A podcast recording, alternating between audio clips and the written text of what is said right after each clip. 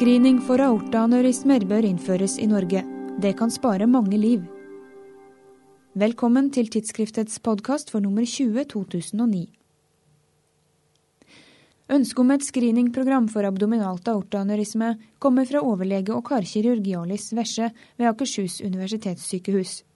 Hun har skrevet en oversiktsartikkel i tidsskriftet om denne tilstanden, som er en lokal utvidelse av hovedpulsåren, som oftest i mageregionen. Diagnosen kan være vanskelig å stille klinisk. Aorteanerisme er en tilstand som man som regel ikke har noen symptomer av i det hele tatt. Slik at uh, dette blir oftest oppdaga tilfeldig ved undersøkelse for andre lidelser som uh, smerter i mage eller rygg f.eks. ved nyrestein eller gallestein, eller eh, hvis man får tatt eh, CT- eller MR-undersøkelse av, eh, av ryggen pga. rygglidelse. Symptomer er ikke nødvendigvis et godt tegn? Hvis man får symptomer, så kan det være pga. at aneurisme påvirker andre organer. Men som regel så får man symptomer først når aneurisme sprekker, dvs. Si når det blør ut i vevet omkring. Og da har man fått en alvorlig tilstand.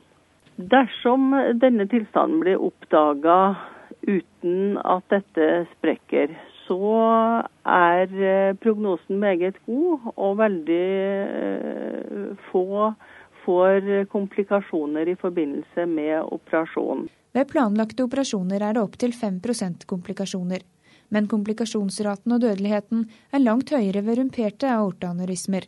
I tillegg er det mange av disse pasientene som ikke rekker å komme seg til sykehus, slik at den totale dødeligheten kan ligge opp mot 90% Årlig opereres mellom 700 og 800 pasienter i Norge, de fleste av disse er menn.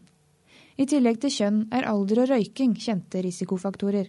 Eh, det finnes også hos eh, kvinner, men det er to til fire ganger hyppigere hos menn enn hos kvinner. Og hos kvinner så kommer det ofte ti år senere enn hos menn. Også familiær opphopning, høyt blodtrykk og hjerte- og karsykdom er kjente risikofaktorer. Ikke-rumpert aortaaneurisme kan avdekkes ved ultralyd eller CT, så ved mistanke bør pasienter henvises til slik undersøkelse. Når fastlegen har en pasient som eh, har vært til ultralyd eller CT og fått påvist aortaaneurisme, så bør denne pasienten henvises til en karkirurgisk poliklinikk. I alle fall når diameteren er over 4 cm, slik at pasienten kan følges opp videre der. Per i dag finnes det ingen medisinsk behandling som kan få anorismer til å gå tilbake. Men for noen pasienter kan operasjon være et alternativ. Her er det størrelsen det kommer an på.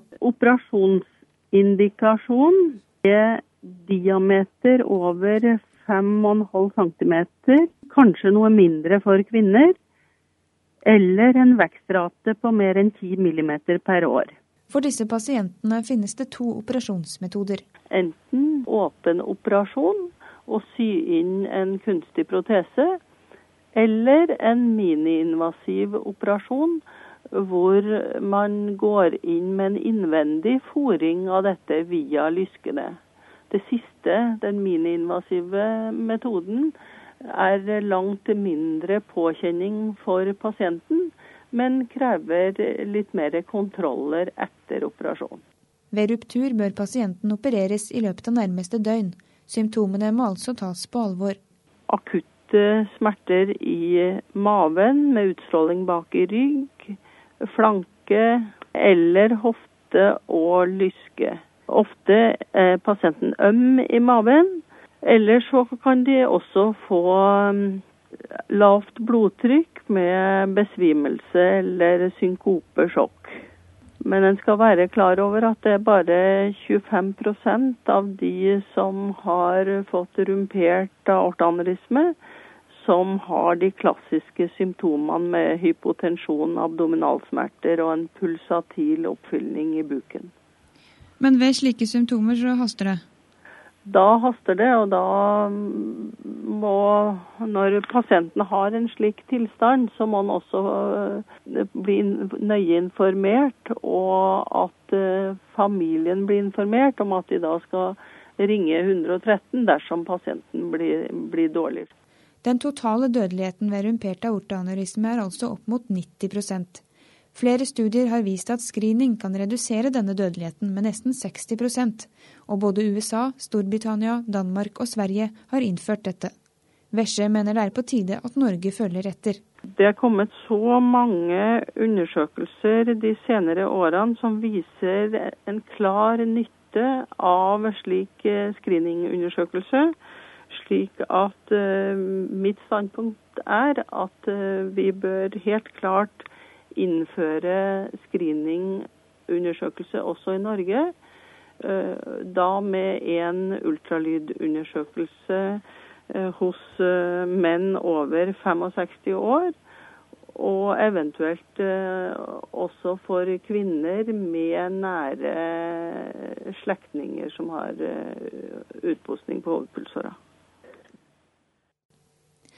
Du kan lese hele artikkelen til Jarlis Vesje i tidsskriftet nummer 20.